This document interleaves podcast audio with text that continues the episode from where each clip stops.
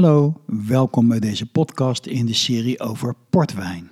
Dit tweede deel gaat over viticultuur en vinificatie van port en alles wat daarbij komt kijken. Mijn naam is Jeroen Bronkhorst en deze podcast wordt je aangeboden door de Wijnstudio.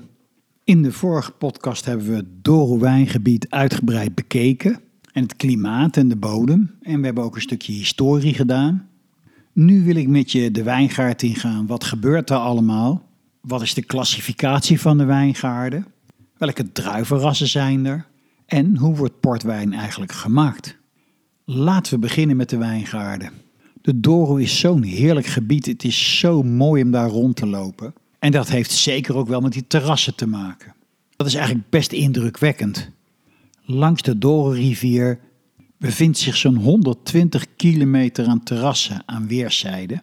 En die zijn allemaal met de hand aangelegd. En ze worden nog steeds onderhouden en dat is echt nodig, want anders vallen al die muren weer om. Een korte herhaling over de bodem. Zoals je misschien nog wel weet, bestaat de bodem voornamelijk uit schisten. En dat is verweerd lijsteen, lijsteen in zijn laatste levensfase. Dat is heel goed waterdoorlatend, waardoor het water meteen afgevoerd wordt naar diepere lagen en daar bewaard blijft. En de wortels van de druivenstok kunnen er ook goed doorheen vroeten. De schistebodem in de Douro is zeer arm. Het bevat gemiddeld slechts 1,5% organisch materiaal. Daarbij komt dat het in de zomer in de Douro erg heet wordt. Dus alles bij elkaar zal die druif flink moeten werken om te overleven. En dan kom je op die mooie Franse uitdrukking: il faut souffrir. De wijnstok moet lijden. Niet te veel, want dan gaat een plant dood. Maar een wijnstok is een wingerd een hele agressieve groeier, een echte vechter. Als de bodem bijna nergens meer geschikt voor is, plant je wijnstokken. En als dat niet meer lukt, ja, dan blijven cactussen over.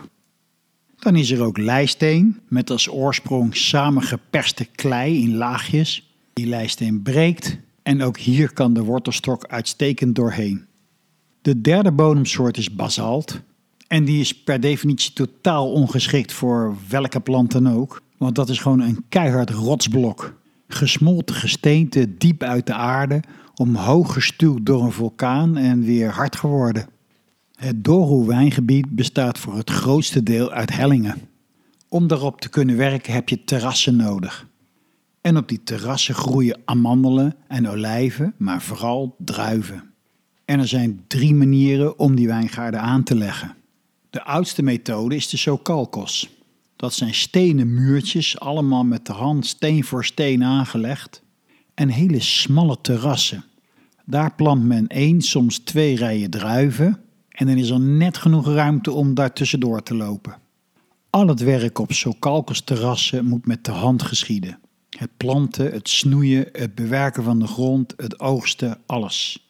Maar in de hele wereld, ook in de wijnbouw, zijn machines steeds belangrijker geworden. En om machinaal te kunnen werken, is er een ander type terras ontwikkeld, de Patamares. Dat zijn hele brede stroken wijngaarden met soms wel tien rijen druivenstokken naast elkaar. Het ziet er imposant uit, maar ook minder romantisch. De Sokalkos-rijen die kronkelen maken prachtige patronen. De Patamares gaan in lange strakke rijen over de berghellingen heen. Ik vind het minder mooi, maar het is natuurlijk wel heel efficiënt werken. En dan is er nog een derde methode, de Vinho alto, wat je kunt vertalen als de wijngaarden naar boven. Dit zijn rijen druiven die niet met de berghelling meegaan, maar omhoog gaan. En als je een beetje logisch nadenkt, dan kun je heel goed begrijpen waar dit wel kan en waar dit niet kan. Als je dit op steile hellingen zou doen, zou je enorme erosie krijgen. De bodem van de hellingen zou helemaal wegspoelen naar beneden. Dit kan alleen op heuvels met een maximale hellingsgraad van 30%. En dan kom je uit op de beneficio, een specifiek systeem voor het portgebied. Letterlijk betekent beneficio het voordeel.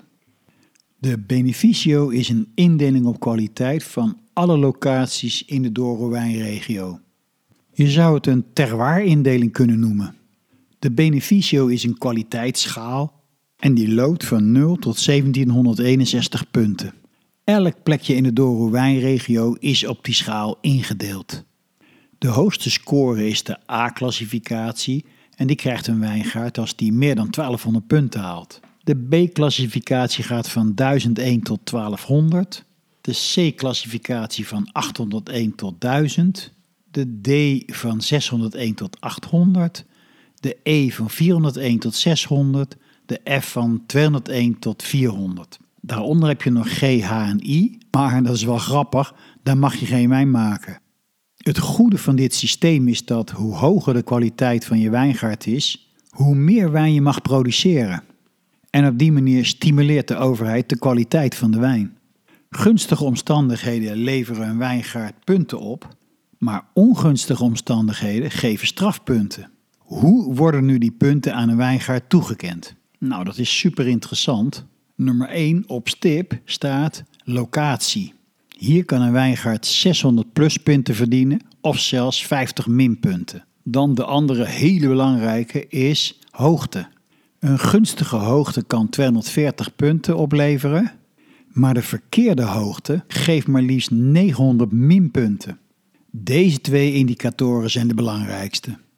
De andere beoordelingspunten zijn de helling, het gesteente dat onder de bovenlaag ligt, de ruwe materialen, de expositie, dat wil zeggen de ligging van de wijngaard ten opzichte van de zon, en beschutting.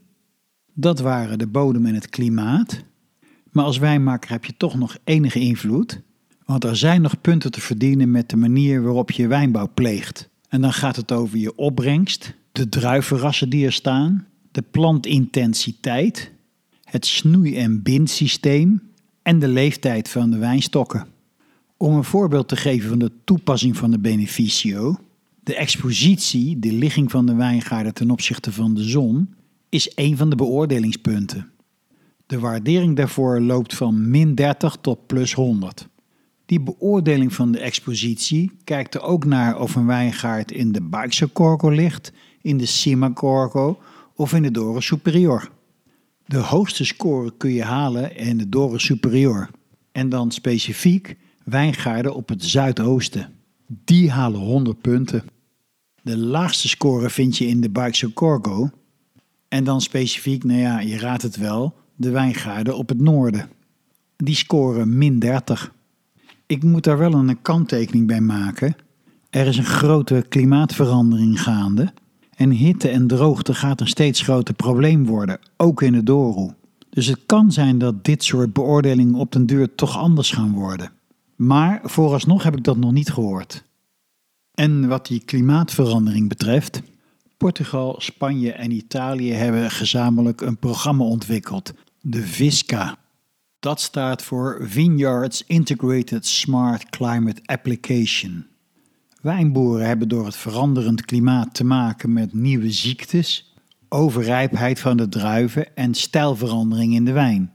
Het eerste wat dit programma doet, is voorspellingen uitbrengen over klimaatverandering op de middellange en de lange termijn. Vervolgens komt dit systeem ook met adviezen, met name over bladbeheer, waterbeheer en knopvorming. En een heel interessant advies wat dit systeem ontwikkeld heeft, is crop forcing. Het uitstellen van de rijping tot na de hete zomer. En dat wordt steeds vaker gedaan. Overigens ook in tropische landen waar wijnbouw is, zoals in Thailand. Je snoeit de wijnstokken net voordat de knoppen uitkomen. En daardoor moet de cyclus van de wijnstok weer helemaal overnieuw beginnen. Dus de vorming van druiven komt veel later op gang. En dat betekent dat je die hete zomer overslaat. Naast de bedreigingen van het klimaat zijn er natuurlijk altijd al bedreigingen geweest van bepaalde ziektes en plagen. En wat mij wel eens verbaast is dat een heleboel mensen eigenlijk niet weten welke plaag echt belangrijk is en een rol speelt. Waar eigenlijk alle wijnboeren het over hebben, maar waarover in de wijnwereld eigenlijk nauwelijks gesproken wordt. Heb jij een idee welke plaag dat zou kunnen zijn? Een enorme ergernis en schadepost voor wijnboeren door heel Europa. Met name Zuid-Frankrijk, Italië, Spanje en Portugal. Nou, ik zal het je vertellen, dat zijn wilde zwijnen. Wilde zwijnen zijn echt een plaag in Zuid-Europa. Ze lopen zelfs door de steden heen. Ze eten de druiven en de druivenbladeren en ze maken alles kapot. En ze zijn super slim. Wat je ook allemaal verzint aan hekken, een wild zwijn vindt altijd weer een weg. We hebben de wijngaarden behandeld. Laten we nu eens kijken naar de oogst en de druiven. De maximum opbrengst per hectare in de Douro is 55 hectoliter. Dat is in theorie gelijk aan Bordeaux. Maar in de Bordeaux is dit echt een limiet. Om wijnboeren te stimuleren niet te veel te produceren, want dat gaat ten koste van de kwaliteit. In de Douro is het omgekeerd. Het is een theoretische opbrengst, want in werkelijkheid wordt er veel minder geoogst. Namelijk gemiddeld maar 30 hectoliter per hectare. En dat is echt weinig. En dat betekent, ik zei het al, dat de wijnen allemaal heel geconcentreerd zijn. De eerste pluk vindt natuurlijk in het warmste gebied plaats, in de Douro Superior. En de laatste pluk natuurlijk in het koelste gebied, de Baixo Corgo. En dan komen we bij de druiven zelf uit. Een vraag aan jou. Leuk om straks te weten, dan kun je die vraag ook weer een andere stellen. Hoeveel toegestane druivenrassen zijn er voor de port? Om je een beeld te geven, in Madeira zijn er 20 toegestane druivenrassen en in Jerez in het sherrygebied 3. Hoeveel druiven mogen gebruikt worden voor een portwijn? Ken je ze allemaal? Nou, als dat zo was, deed je nu hele interessante dingen, want dan ben je een klein genie. Het zijn er 110. 116 druiven die voor de Douro-regio gebruikt mogen worden, waarvan 110 voor portwijn. 91% daarvan zijn blauwe druiven. Over het algemeen zijn de druiven van uitstekende kwaliteit. Ze kunnen goed met warmte omgaan en sommige druiven kunnen intense hitte aan. En daarmee denk ik dat er veel druiven van de toekomst zijn. De allerbekendste portdruiven, Torica Nacional en Tinte Roriz, en die laatste is een synoniem voor Tempranillo, zijn druiven die ook overal elders uh, gebruikt gaan worden. In de Bordeaux is nu officieel Torica Nacional opgenomen als druif. Dat is nogal wat voor Frankrijk. Het zegt dus iets over en de kwaliteit van de druif en de klimaatbestendigheid. Als we eerst eens naar de witte druiven kijken, en overigens denk ik zelf dat witte port een van de meest onderschatte wijnen is, die kan ongelooflijk lekker zijn. Er zijn vijf witte druivenrassen die verreweg het meest gebruikt worden. Misschien ken je er wel een paar van. Het zijn de Rabicato, Curveio, Malvasia, Fiozinho en Moscatel. Rabigato is een druif die zorgt voor hoge zuren. Gouveio, die kennen een hoop mensen wel als Godello, is een druif met intense smaken, mineralig, doet het ook heel goed met houtrijping. Malvasia is natuurlijk de meest bekende. Je vindt hem overal in Zuid-Europa terug. Die wordt meestal voor zoete wijnen gebruikt. Omdat hij zo fruitig is en zo geparfumeerd. Viuzinho, dat is ook weer een druif met een hoog zuur en een volle body. En heeft een beetje aroma's zoals Sauvignon Blanc. En de laatste druif die we allemaal kennen is de Moscatel. Met dat typische muskaataroma, die bloemetjes. Zoals rozen en litchis. In het dorp Favaios, boven Pinhao, het hart van de Simogorgo, staat de Adeca Cooperative da Favaios. De plaatselijke coöperatie. Die Adeco staat in het Douro bekend om zijn moscatelwijnen. En dan gaan we naar de blauwe druiven. De beroemdste, de bekendste druif van eh, Portugal is Torica Nacional. Dan is er de Torica Franca, ook wel Torica Francesca genoemd. De Tinte Roriz, de Tempranillo. De Tinte Barocca. De Tinte Amarelo of Trincadeira. En de Tinte Chao. En als laatste hebben we de Suzau. Dus makkelijk te onthouden die uh, Doro-druiven, de Torica's en de Tinta's. Torica Nacional heeft een intense paarsrode kleur, heel veel karakter, veel zuren, veel tannine, veel fruit. Ik vind dat karakter wel iets vergelijkbaar met Cabernet Sauvignon. De Torica Franca of Torica Francesca is een beetje het kleine broertje. Wijnmakers zijn er erg enthousiast over. Hij geeft mooie wijnen, maar de druif kan slecht tegen droogte. Tinteroris, de Tempranillo, die geeft tonen van specerijen en leer en tabak. Dit is een druif die een heel mooi boeket ontwikkelt, de tertiaire rijpingstonen. Tinte Barocca geeft een volle body, veel suiker en hij heeft aroma's van kersen en zwarte bes. Hij is niet zo complex Het is vooral een krachtpatser, een fruitdruif en hij kan niet zo goed tegen droogte. Tinte Amarelo of Trincadeira geeft ook een volle body. Hij geeft rijk donker fruit en ook uh, specerijen zoals kaneel en kruidnagel. En hij heeft flink tannine. Tinte Chao is weer een beetje anders. Die geeft ook veel kleur, maar hij geeft bloemen en fruit in zijn aroma en heeft een lange afdronk.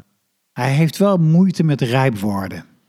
En de laatste, de Suzhou, ook wel Vignau genoemd, geeft een super donkere wijn. Veel suikers, hoog zuur, tannine en kersen en bosfruit. Het is een en al power. Onthoud die Suzhou maar, ik denk dat je er nog wel meer van gaat horen. Over het algemeen vindt de druivenpluk plaats in de hele maand september. Beginnend in het warmste deel, de Dore Superior, eindigend in het koelste deel, de Baixo.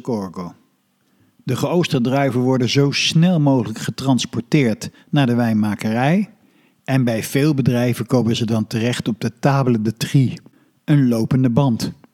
Daaraan staan uh, meerdere medewerkers om de wijnen te sorteren op kwaliteit. Alles wat niet goed bevonden wordt, wordt eruit gehaald en uh, in een mand eronder gegooid. En je zult ervan verbaasd staan in de praktijk als je ziet hoeveel er uitgesorteerd wordt. Kwaliteit gaat boven alles. En we zijn nu aangekomen bij de vinificatie. Als ik een presentatie geef, is dit altijd het moment om de vraag te stellen: Is port altijd een blend? Daar komen dan allemaal leuke antwoorden op, maar het enige juiste antwoord is ja. Port is altijd een blend van druivenrassen, van jaren, van wijngaarden, van quinta's en van vaten. Maar niet noodzakelijk allemaal tegelijk. Een vintage heeft een oogstjaar op het etiket, dus dat mag alleen maar gemaakt zijn van druiven van één oogstjaar. Maar dan zijn het nog steeds meerdere druivenrassen, meerdere wijngaarden, vaak meerdere quinta's en meerdere vaten. Een hele interessante ontwikkeling vind ik de field blend. Dat is in feite een oude methode die weer terugkomt, of eigenlijk nooit helemaal weg geweest is. Field blend houdt in dat je allerlei druivenrassen willekeurig door elkaar in één wijngaard zet. De grap is, dat was vroeger gebruikelijk. Heel vaak wisten mensen niet eens welke druivenrassen aangeplant hadden. Zelfs wijnboeren vergisten zich in de namen, maar dat gaf eigenlijk helemaal niet. Het resultaat was goed. Met behulp van DNA-onderzoek kunnen we nu precies elke wijnstok van de andere onderscheiden. Natuurlijk is Field Blend niet helemaal meer hetzelfde als vroeger. Toen men echt niet wist welke druiven er stonden. Nu worden ze wel heel bewust aangeplant, de juiste druivenrassen. Maar er kunnen gewoon wel vijf of zes rassen door elkaar heen staan. En het leuke is, die worden altijd gelijktijdig geplukt. Dus het ene druivenras is net aanrijp, het andere druivenras gemiddeld en het andere heel erg rijp. Want zoals je weet heeft ieder druivenras een eigen rijpingstijd.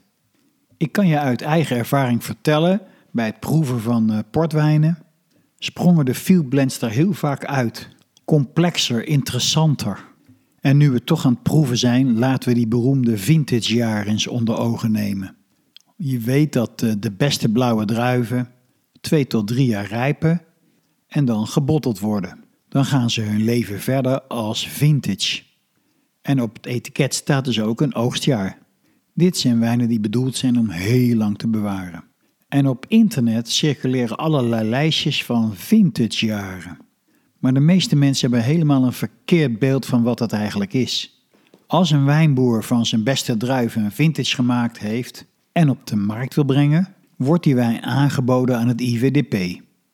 Die neemt laboratoriummonsters en proefmonsters en als beide teams akkoord zijn, mag de wijn als vintage verhandeld worden. Dit kan dus in principe elk jaar. En er is één bedrijf wat zulke hoge kwaliteit levert, Quinto Vesuvio, dat het ieder jaar een vintage uitbrengt.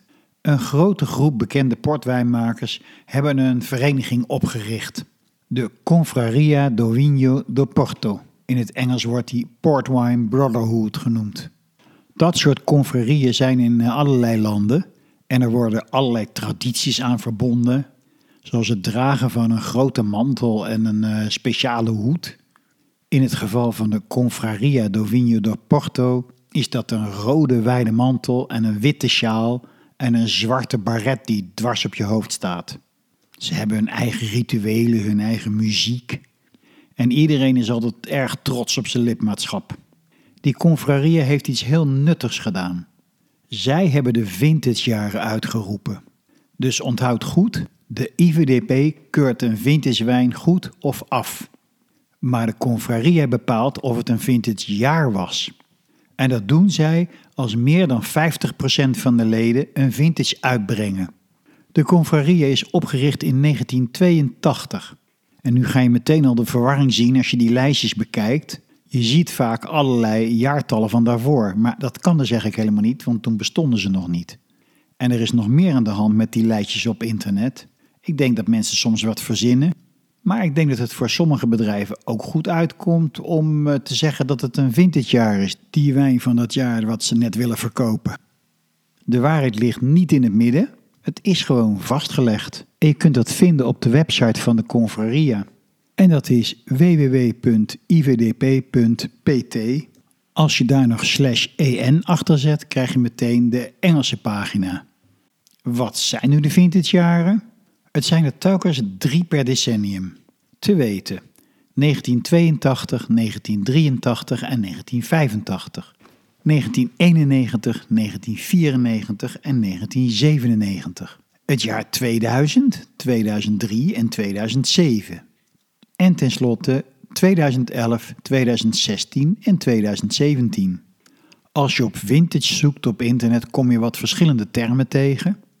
Ten eerste de declaratie. Dat is het moment waarop een wijnmaker zegt: Ik vind dit een vintage wijn.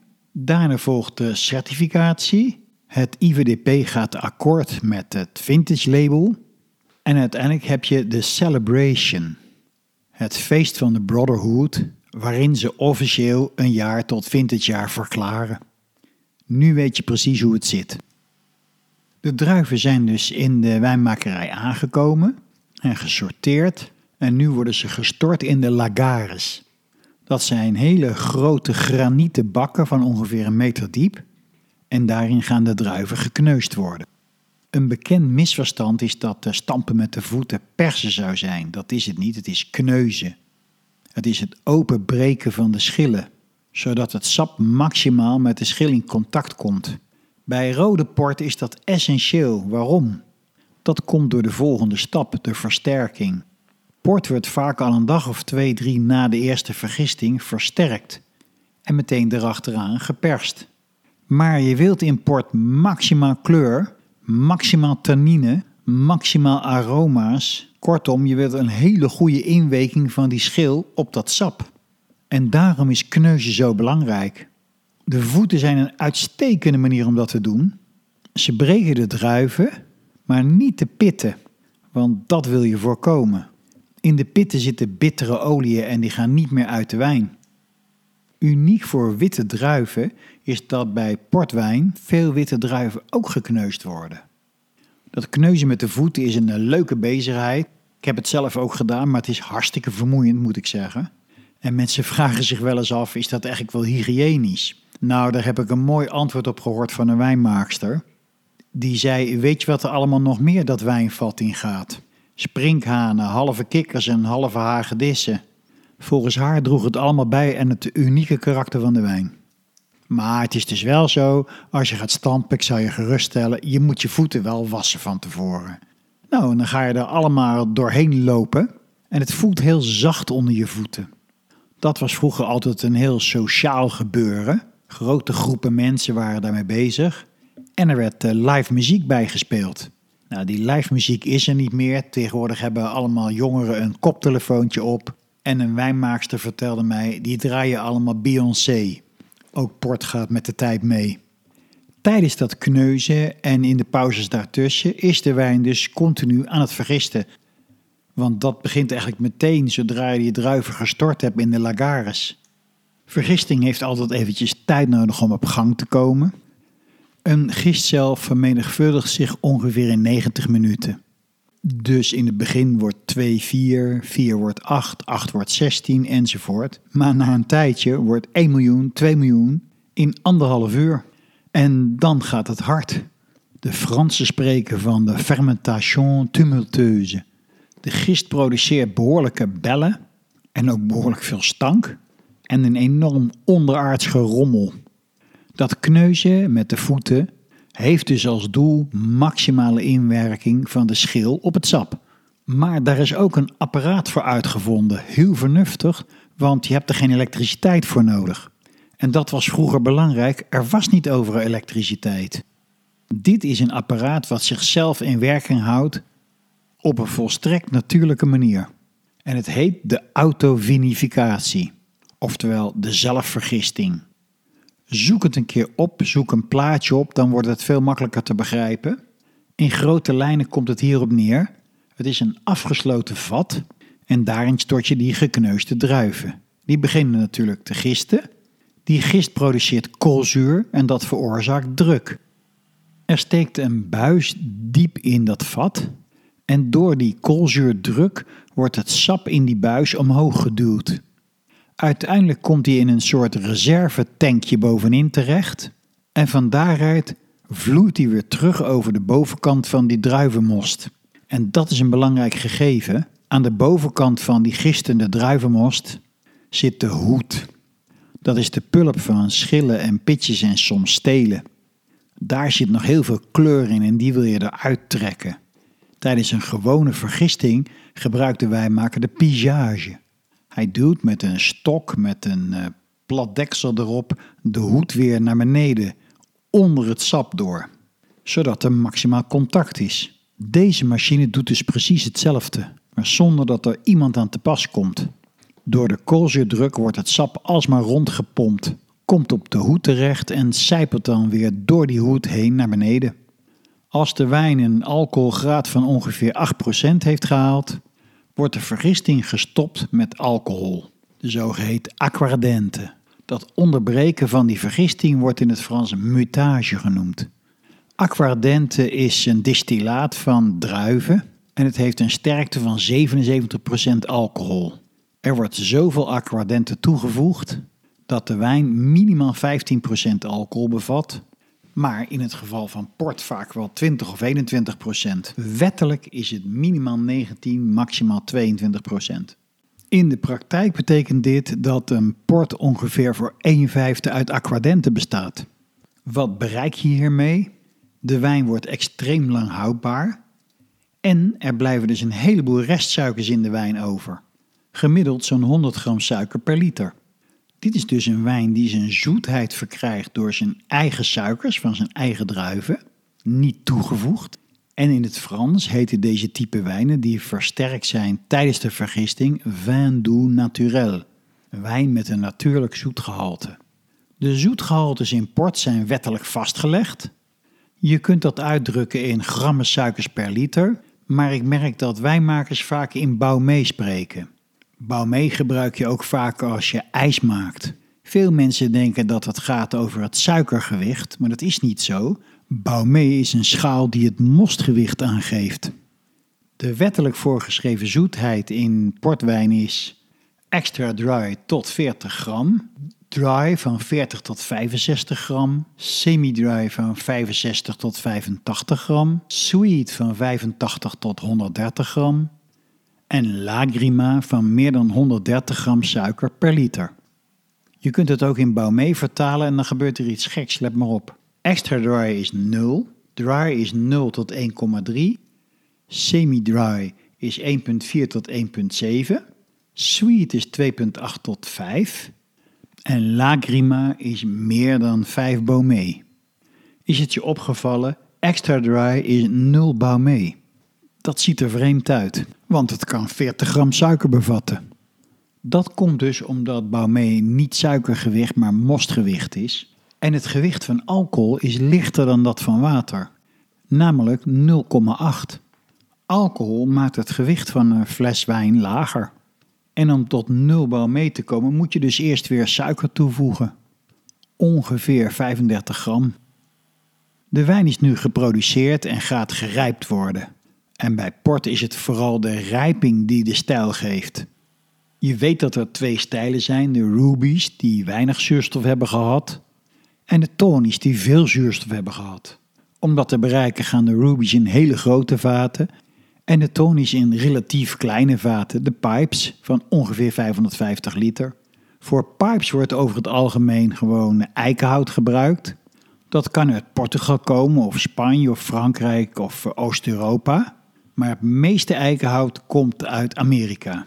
De grote vaten kunnen van allerlei soorten hout gemaakt zijn, zoals kastanje, dat lijkt nog het meest op eikenhout, en acacia, waar sommige wijnmakers zeer over te spreken zijn. Het geeft meer florale tonen, minder houtsmaak, zeggen ze.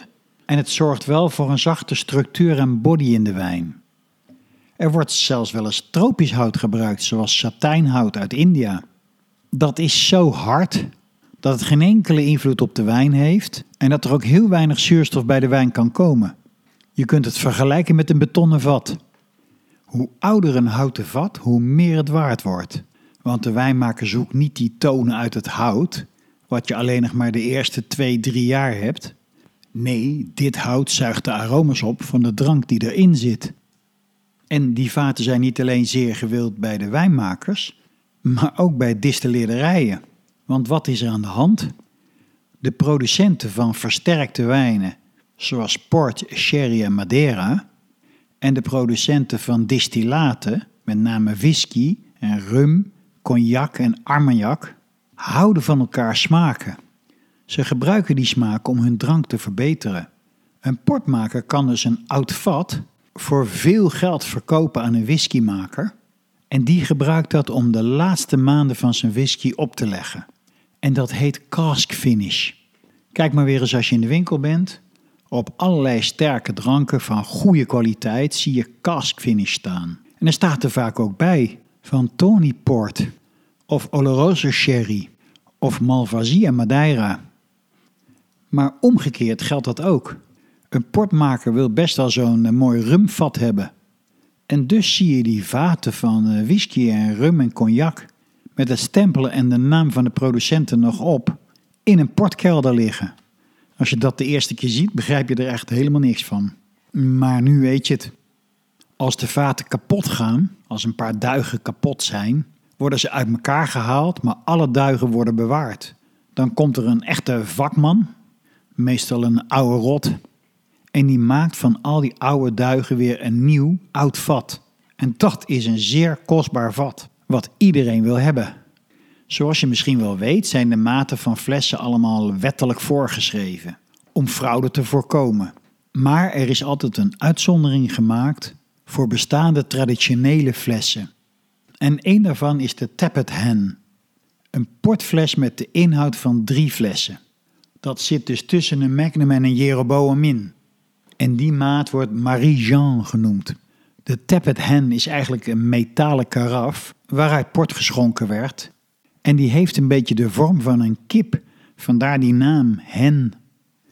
Uiteindelijk zijn de wijnen gerijpt en klaar voor de verkoop. En dat leidt ons bij het volgende onderdeel van deze podcast: bewaren, serveren en gastronomie.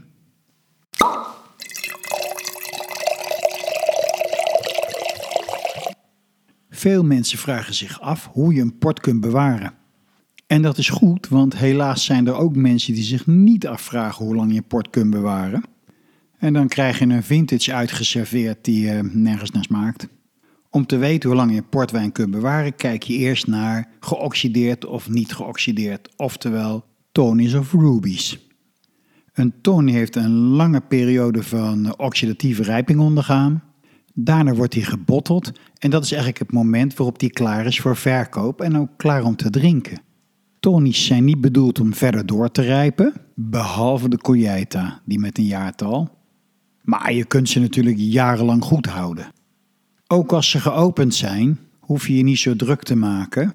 Een simpele Tony blijft wel een week of twee goed. Een hele goede Tony misschien wel een paar maanden. Je kunt ook naar de kurk kijken. Tonies hebben allemaal een korte kurk met zo'n plastic dop erop. Dat wil zeggen, deze wijn is niet om te bewaren, maar als je hem opengemaakt hebt, doe gewoon die dop er weer op en je kunt er nog een tijdje blijven schenken. Voor een simpele Ruby geldt, je koopt hem, hij is klaar om te drinken. Hij is niet bedoeld om te bewaren, daar heeft hij gewoon niet de kwaliteit voor. want hij gaat gewoon niet beter worden. Als je hem opengemaakt hebt, ongeveer een weekje blijft hij lekker en dan vlakt hij af. De volgende Ruby een stapje hoger is de LBV, Late Bottled Vintage.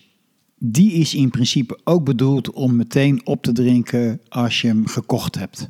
Hij is wat krachtiger dan een Ruby, dus hij zal wat langer goed blijven na opening. Maar na een paar weken vlakt hij wel af. En dan kom je bij de vintage wijnen uit. In tegenstelling tot tonies hebben die altijd een lange kurk. Niet zo'n kort kurkje met een plastic dop. Dat geeft wel aan, deze wijn is bedoeld om lang te bewaren. Maar als je hem één keer opent, is die kort houdbaar. De kurk is niet bedoeld om meerdere keren te gebruiken. Ik zou een vintage wijn nooit langer dan een week open houden, dan moet die op zijn. Als je dat niet lukt, gebruik het restje voor een lekkere saus. Als je geluk hebt, krijg je een keer een hele mooie oude portfles in je handen. En die mag je openmaken. Dat is vaak een drama, want die kurk is helemaal korrelig geworden. Het zuur van het port heeft hem aangetast. Je probeert hem met een kurkentrekker eruit te halen en het wordt één grote ravage. Daar is een hulpmiddel voor. Een handvat met twee pootjes. En aan de zijkant van de kurk, tussen de kurk en de fles, kun je die pootjes voorzichtig naar beneden steken. Dan krijg je grip op die kurk. En dan kun je proberen met een kurkentrekker die kurk voorzichtig uit te halen. Als het allemaal mislukt is, gebruik een theezeefje. Maar er bestaat ook een mooi traditioneel apparaat om een kurk puntjegraaf uit een oude fles te halen. En dat is de porttang. Je kunt hem overal op internet vinden. Een lange tang met houten handvaten. En het ijzeren deel sluit zich precies om de hals van de fles. Dat ijzeren deel ga je met vuur gloeiend heet maken. Bijvoorbeeld boven een gasbrandertje. Telers heeft ook een heel mooi houten kastje met zo'n brandertje erin. Als het ijzer rood gloeiend is, leg je het een seconde of tien om de hals. Dan haal je die tang weg. Daarna leg je een natte koude doek daaroverheen. Die hals is heet geworden en door die koude doek gaat het glas springen. En zo haal je keurig de hals ervan af met kurk en al. Het ziet er ook spectaculair uit, moet ik zeggen. Iets over het schenken van port. Vroeger had je van die lullige kleine portglaasjes. En het doel daarvan was de maat aangeven. Maar het vervelende in de horeca was, dat kreeg je dan tot de rand toe volgeschonken. Want dat ziet er dan weer gastvrij uit. Maar eigenlijk kan je er helemaal niks mee. Je kan niet walsen, je kan niet ruiken aan het glas. Het is helemaal niks. Tegenwoordig heb je hele mooie portglazen. En dat zijn in feite gewoon kleine wijnglazen. Tapstoelopend, zodat je ook kunt walsen. In een groot glas loop je het risico dat je veel te veel gaat schenken. En de port raakt er een beetje in verloren. Hij wordt er niet beter van.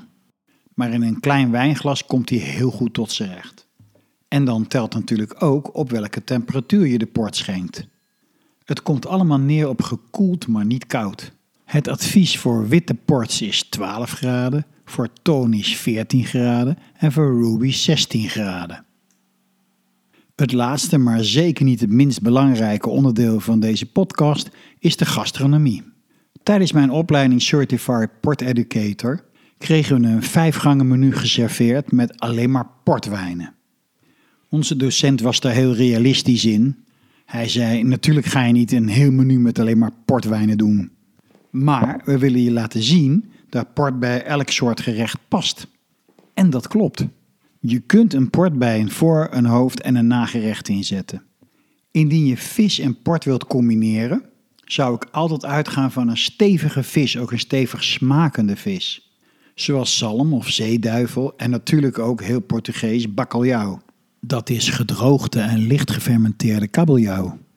Daar kun je prima een white port bij drinken. Kijk altijd goed naar de leeftijd van de port, de kwaliteit van de port en de wijnmaker. Iedereen heeft zijn eigen voorkeur. Ik heb gemerkt dat ik van port hou die niet zo zoet is en niet te vol met te veel body. Ik vind het vooral heel spannend worden als je complexiteit en elegantie in de port proeft.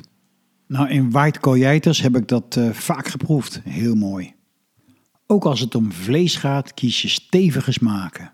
Rood vlees, zoals rund en lam, en zeker ook wild, doen het erg goed. Bij wild is extra interessant Daar worden vaak bessen bij geserveerd of kersen. Als je daar een bourgogne bij drinkt, gaat die helemaal kapot. Maar port doet het er prima bij. Je zou uit jezelf niet zo gauw een zoete port bij een hoofdgerecht nemen. En als je het toch doet, sta je verbaasd hoe goed het eigenlijk kan. Ik had een vintage bij een Tournedo en het gaf mij een ervaring zoals je een uh, Bordeaux drinkt. Die complexiteit en die elegantie en die kracht. En het gekke was, ik vergat het zoet gewoon. Na de eerste slok stoorde het mij helemaal niet meer. Als je zelf een keer in Portugal bent, zeker in de stad Porto, dan zie je van die leuke aardewerken schaaltjes met een brandstof erin en een rekje erop. En er liggen dan twee worstjes op te grillen. Super lekker. Dat heet Asador de Chorizo. Assador, dat is een brander.